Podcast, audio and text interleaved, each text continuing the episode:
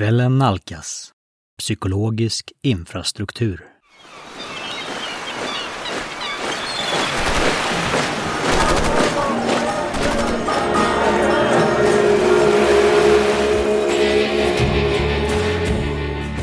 Hej, jag heter Mikael Hedman och den här podden är berättelsen om svensken som steg för steg kommer närmare realiteten av sig själv.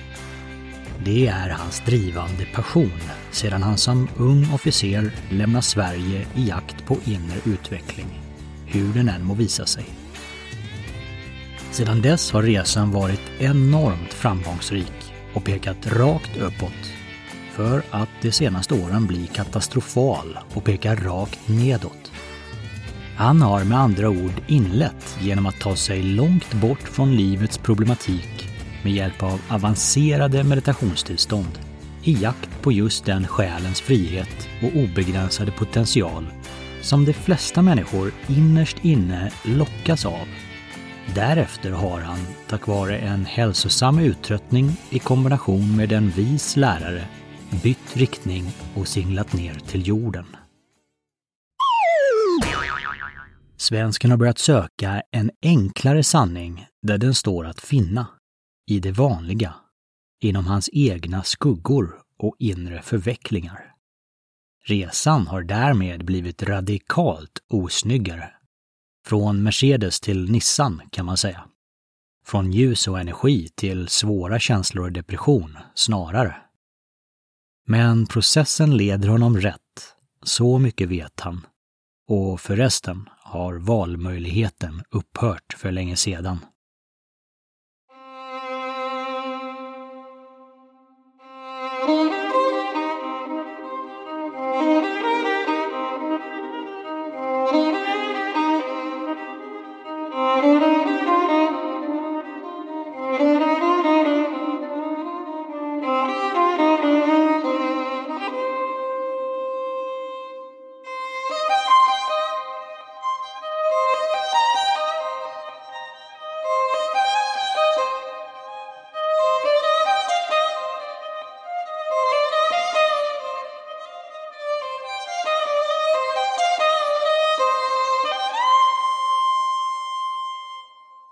Han befinner sig i det förtillstånd till fullständig enlightenment som de flesta kända andliga profiler inte passerat.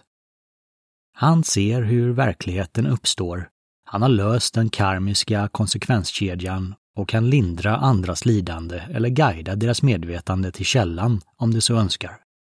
Det kommer förvånansvärt sällan till nytta. Det är uppenbarligen smartare än jag, tänker han. Det är en idiot förbehållet att plocka bort sina illusioner. Motvilligt börjar svensken inse att den mysiga inre resa som börjar med lite meditation och mindfulness, kanske yoga, en lite för dyr kristall och en kylskåpsmagnet med ett fantastiskt citat, i slutändan utmynnar i en mycket omfattande process. Processen innefattar att ge upp alla de förhoppningar som man investerat i sin resa för att istället tvingas ge sig själv, inklusive benmärg, ens hopp och sina drömmar, till det som vill hända. Ungefär som att börja samla kvistar och stickor, gradvis fortsätta samla ved och stockar, under flera år lägga allt på hög för att en dag tända på och medan lågorna glatt får fäste stiga upp på bålet och inse att det är ett begravningsbål, sitt eget, att allt syftade till det och att det förunderligt nog är det finaste en människa kan viga sitt liv åt. Svenskens ambitiösa personlighet, krigaren och den andlige maratonlöparen i honom, vill det inte. Det vill segra en gång för alla och få det liv det hoppats på. Men segra i det här spelet innebär att förlora och bli slav till verkligheten. Det är ofrånkomligt och han har redan sjunkit ner i Buddhas träsk upp till näsborrarna. Verkligheten börjar nu sippra in genom näsvingarnas underkant. Rent konkret tar det sig uttryck i att känslor inte kan stoppas och att starka livskraftiga tillstånd som man tidigare tog för givet och kände var permanenta karaktärsdrag nu är som bortflugna. Han är utlämnad åt livet och livet dikterar. Det är vad han har bett om sedan han var 18 år gammal. Och nu, när det har blivit en påtaglig verklighet, är det svårt att vara det. Det påminner om symboliken i korsfästelsen. Människan på korset tog förmodligen inte på sig all jordens synder genom att dö. Folk ser mestadels ut att strunta i självuppoffrande gudabarn. Dessutom varken kan eller ska synd rensas. Synd är vägen till sig själv. Inte genom att stapla på mer synd, ledsen att göra någon besviken, utan genom den synd som redan skett. Känn smärtan av hur du syndat och du är hemma på ett kick. Det spelar ingen roll vad du råkar tycka är syndigt. Äta glass mitt i veckan eller rekrytera ondskans demoner till din privatarmé. Om du tycker att något är syndigt och det gör lite ont när du påminns om ditt illdåd, så har du en ingång till dig själv precis där. Och vad gäller den verkliga symboliken av korsfästelsen så är den fantastisk. En människa som gett upp och accepterat sin livssituation så fullt att hans tankar inte längre ältar läget, utan till och med fungerar barmhärtigt.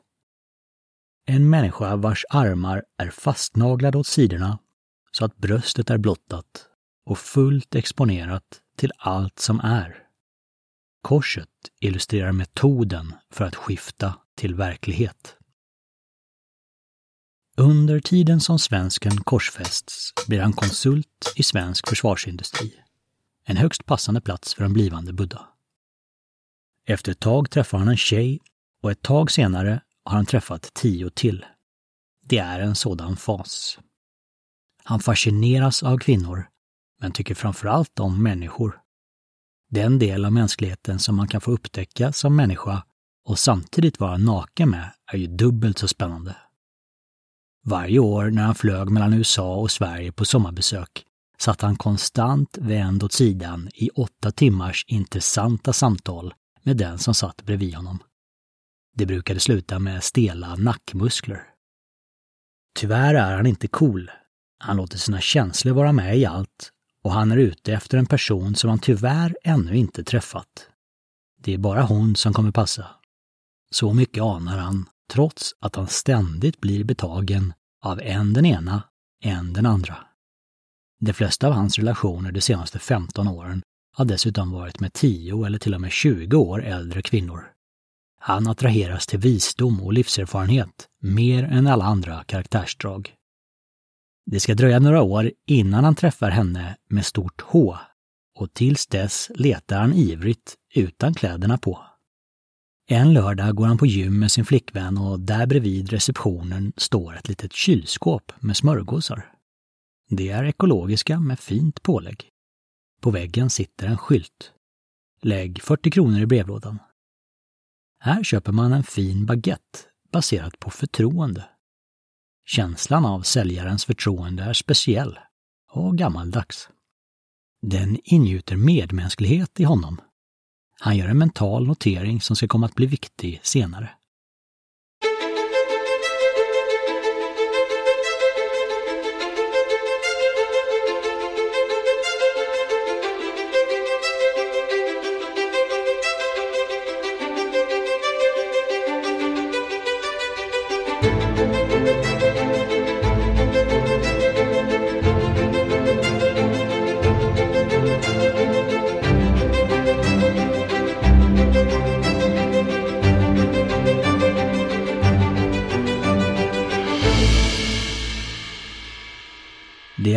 2015 och han har bott i Sverige i två år.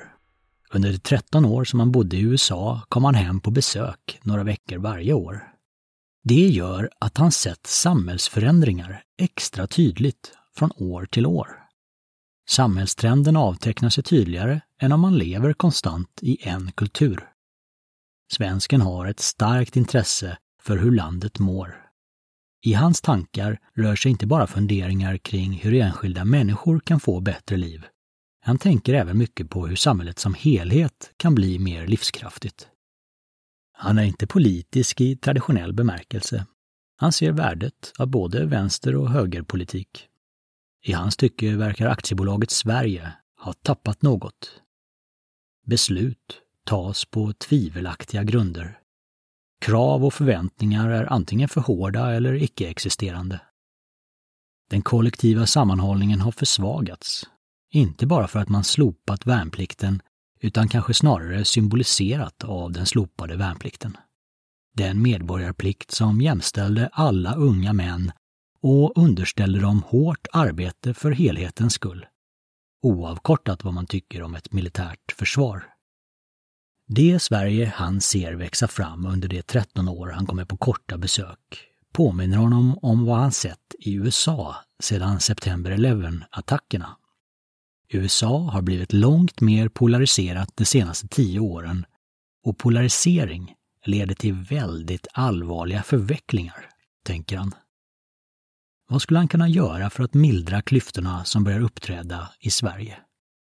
Han funderar och letar efter en minsta gemensamma nämnare, något som kan bli till nytta oberoende av mottagarens bakgrund, utbildning eller politiska åskådning. Han är ingen ensidig förespråkare av någon åsiktsfråga. Alla har sina nackdelar och ofta är man inom respektive åsiktskorridor så inskränkt kring helheten att det skulle snedvrida landet om enbart socialdemokrater, moderater eller miljöpartister fick bestämma. Ett tag tänker han att en bred positiv effekt på allt från miljöfrågor, företagande, demokrati och familjedynamik skulle kunna vara att stärka kvinnors roll så att de kan utöva större inflytande. Han tycker nämligen att kvinnor generellt sett har en visare approach. Det verkar överlag besitta större kapacitet att beakta helheten från ett lugnare och mer omfattande perspektiv. Dessutom har det en fundamental koppling till jorden genom sin livgivande kropp.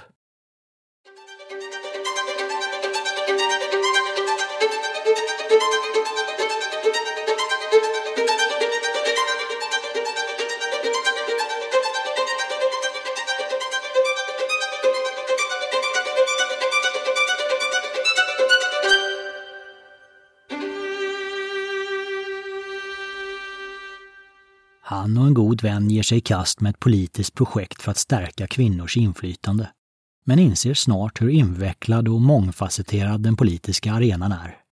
Det backar. Han behöver verka i direktkontakt med människor och inte genom doktriner eller politiska program. I nära anslutning till den insikten bevittnar han hur även kvinnor ofta agerar destruktivt från en maktställning och han blir av med sina illusioner. Människor är människor, tänker han. Ett matriark är inte bättre än ett patriark. Och världen är inte en plats där jämvikt existerar särskilt länge. Vare sig det gäller populationen rådjur eller rävar tenderar en sida att ta överhanden. Det är så livet fungerar.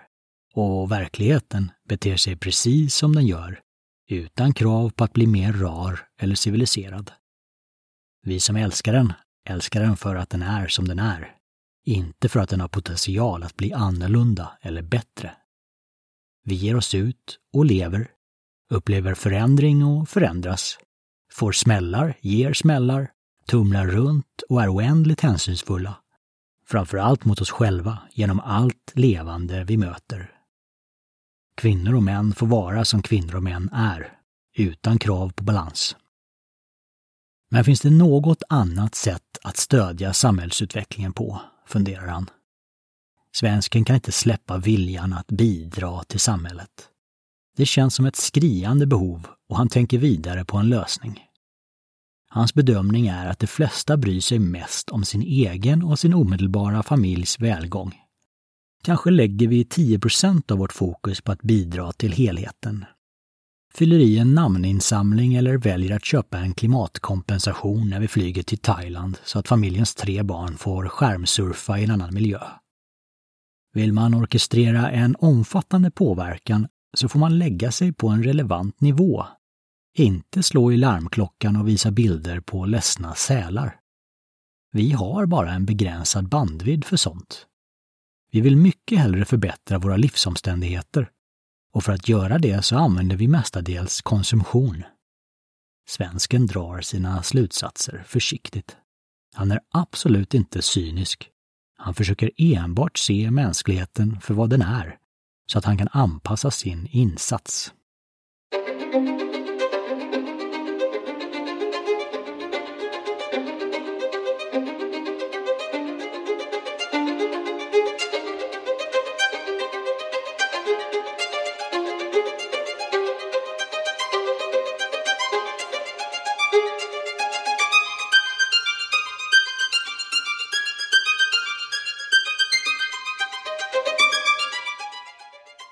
Han minns smörgåsen på gymmet och känslan av förtroende när han betalade för den. Som ett gammalt Sverige. Folk som litar på varandra, som uppför sig som rekorderliga människor.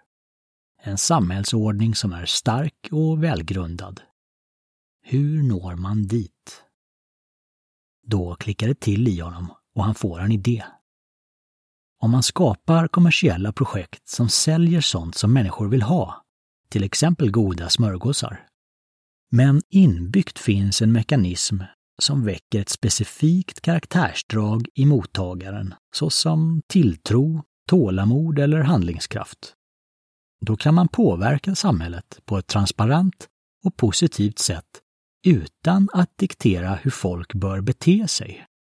Man har ju enbart stärkt deras grundläggande kvaliteter, aktiverat deras latenta mänsklighet, inte påverkat hur någon ska tycka.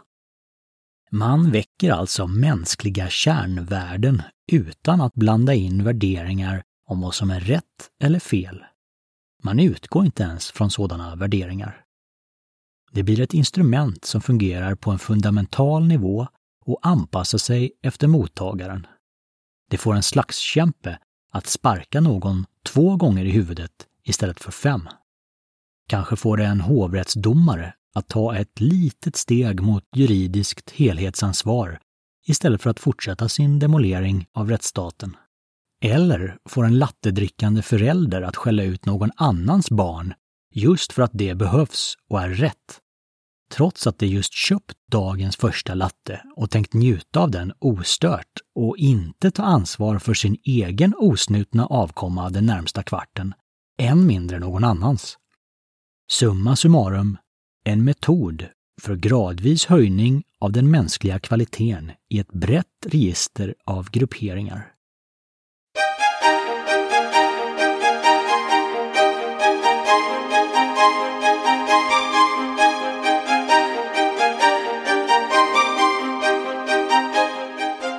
Metoden han funderar över stärker inre kvaliteter som redan finns latent och som alla mår bra av, oaktat vad deras målsättningar är. Alla har grunddrag inuti sig såsom medkänsla, generositet och mod. Men sådana kvaliteter läggs ofta åt sidan när man formas av hur världen fungerar, vad kulturen på jobbet dikterar. Projektet måste vila på konsumtion för det är en av de mest centrala delarna av våra liv.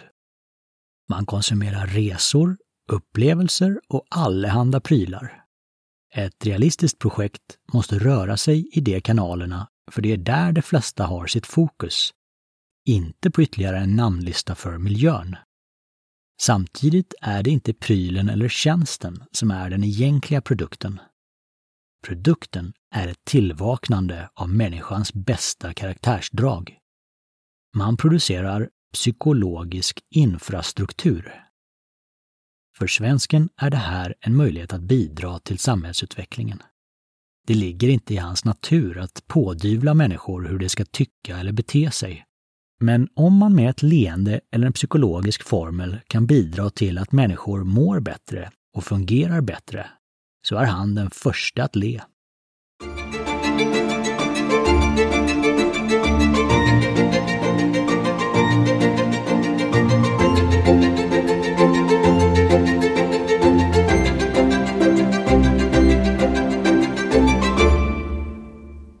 Här tiden pratas det mycket om yttre påverkan av svenska inrikesangelägenheter. Hur val och bred opinion manipuleras på skadliga sätt med påverkanskampanjer. Svenska myndigheter tänker råda bot på påverkansattackerna genom olika motmedel. Alltså ett svenskt kontor likt det antagonistiska, men som har till uppgift att gå ut med sann information och därigenom folkbilda och neutralisera de skadliga attackerna. Genom att bemöta hetsande påverkansoperationer som vänder svenskar mot varandra så hoppas man kunna desarmera attackerna så att det inte får avsedd effekt. Ungefär så. Instinktivt anar han att två aspekter och en fundamental princip talar emot en sån strategi. Den första aspekten är att människor omedvetet letar efter ett utlopp för sina svåra känslor. Det är lättare att väcka misstro och aggressivitet än det är att odla förtroende och sammanhållning. En skogsbrand är lättare att tända än den är att släcka. Den andra aspekten är att det inte går att identifiera alla påverkansströmmar eller att motverka dem, för det växer exponentiellt från källan och vidare genom alla vanliga medborgare som av frustration blir omedvetna spridare av den falska informationen.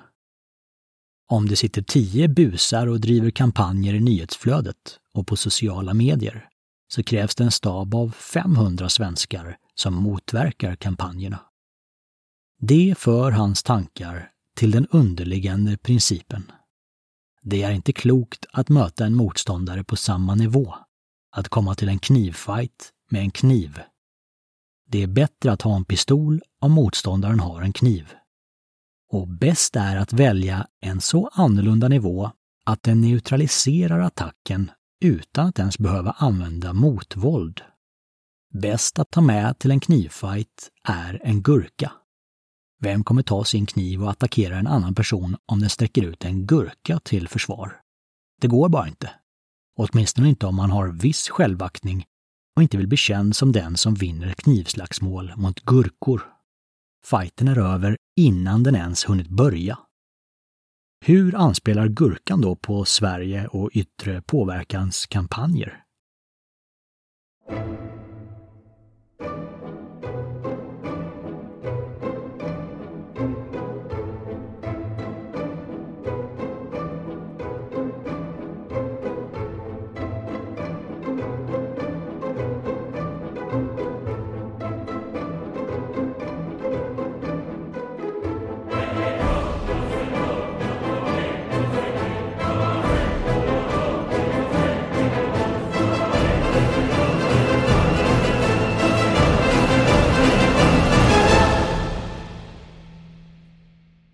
Om man stärker Sveriges psykologiska infrastruktur genom att väcka till liv de högre människokvaliteter som finns latent i varje person, så kommer en påverkanskampanj inte att kunna anspela lika kraftfullt på känslor av missundsamhet, rädsla och allt sånt som annars finns nära till hands i varje individ. Om högre kvaliteter är aktiverade så kommer de lägre kvaliteterna inte att aktiveras lika starkt. Ungefär som vid en kärnkraftsolycka då man äter jod för att mätta sköldkörteln så att den inte tar upp radioaktivitet.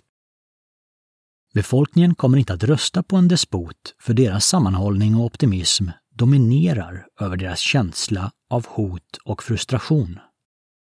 Den vägledande huvudprincipen som idag används för att stabilisera samhällsordningen är att driva en het ekonomisk politik. Om de flesta har god ekonomi så mår det tillräckligt bra för att inte vilja omstörta samhället, tycks man tro. Men den principen verkar inte riktigt stämma när man ser sig omkring. Känslor är starkare än ekonomisk framgång.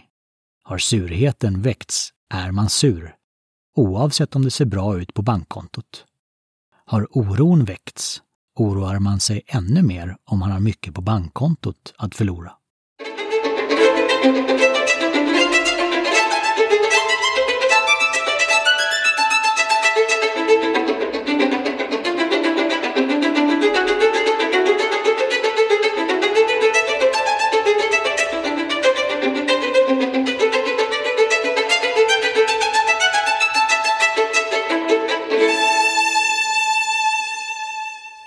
Svensken skapar ett pilotprojekt som han kallar Smörgåsprojektet. Det går ut på att sälja smörgåsar.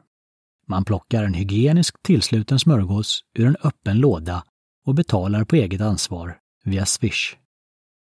Det är inte smörgåsen som är den egentliga produkten, Det är i transaktionen som den egentliga produkten levereras, nämligen en inuti individen förstärkt känsla av tilltro, alltså psykologisk infrastruktur. Svensken tar kontakt med en tidigare politiker och chef inom det psykologiska försvaret.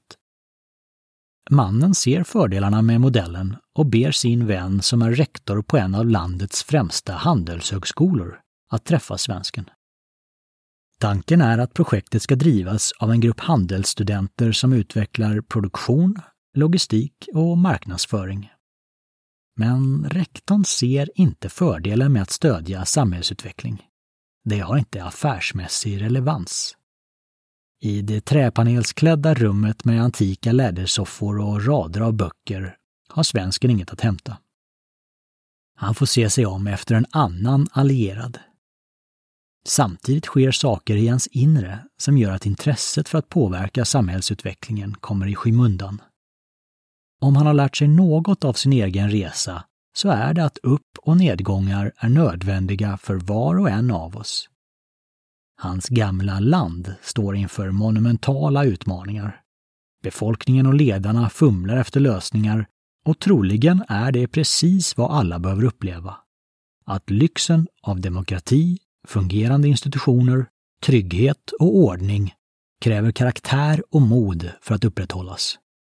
Att dessa är färskvaror som förtvinar om man hänvisar till regelverk istället för att ta personligt ansvar när det krävs. Och det krävs alltid. Svenskar behöver ta itu med sig själva eller få några rejäla smockor i mellangärdet.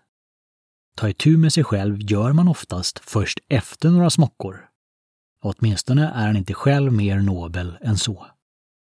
Han minns ett amerikanskt uttryck. Freedom isn't free.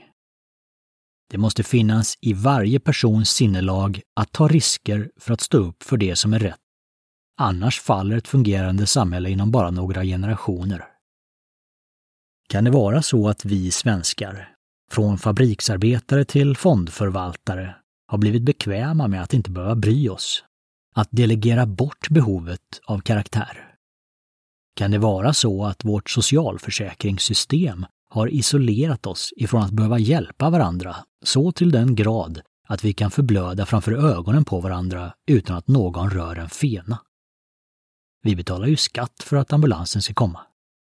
Kan det vara så att vårt rättsväsende under alla lugna decennier utvecklat en sorts tillkrånglad humanism på bekostnad av att leverera vettig påföljd? Kan det vara så att skolsystemet oavsiktligt delegerat ansvaret för ordning och reda direkt till barnen och att ingen av oss, minst av allt föräldrarna, riktigt vet vart ansvaret för uppfostran tog vägen? Men en extrautredning av den utredning som gjordes först kommer nog ge bättre bedömningsgrund som med tiden kan bidra till ett generellt ställningstagande.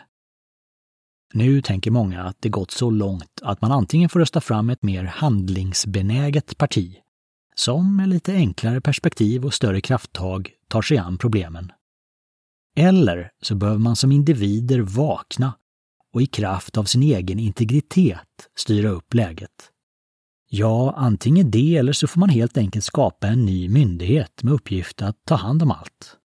Ta hand om allt-myndigheten.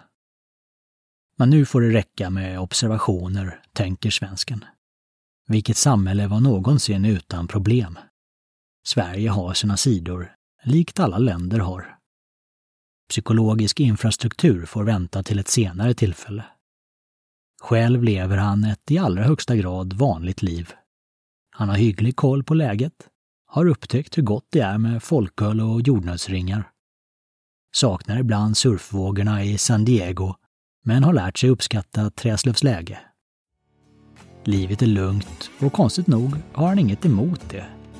Men vädret ska snart slå om. Tack för att du lyssnar. Jag heter Mikael Hedman och arbetar som företagsstrateg och personlig rådgivare. Podden har jag satt ihop som underhållning och för att mina erfarenheter eventuellt ska komma till nytta för dig. Vid allvarliga sömnsvårigheter kan du till exempel läsa Swedish Buddha-podden som bok. Du kan beställa boken via hemsidan swedishbuddha.se. Men låt inte allt som berättas i podden påverka ditt eget upptäckande. Förkasta utan minsta tvekan sånt som du inte kan känna igen dig i eller som låter fel. Det här är 20 år ur mitt liv med mina ögon. Vissa saker kommer inte att passa med hur du upplever livet. Om du är intresserad av inre utveckling så är du varmt välkommen att höra av dig via hemsidan eller boka ett möte direkt i kalendern på rentabuda.com. Det skulle glädja mig att få prata med dig. Ha det så bra tills dess. Exhibiting a tattoo of a Buddha or lotus flower may lead to ridicule, regret, and sore skin. Several studies confirm a negative correlation between spiritual tattoos and inner progress, fridge magnets included.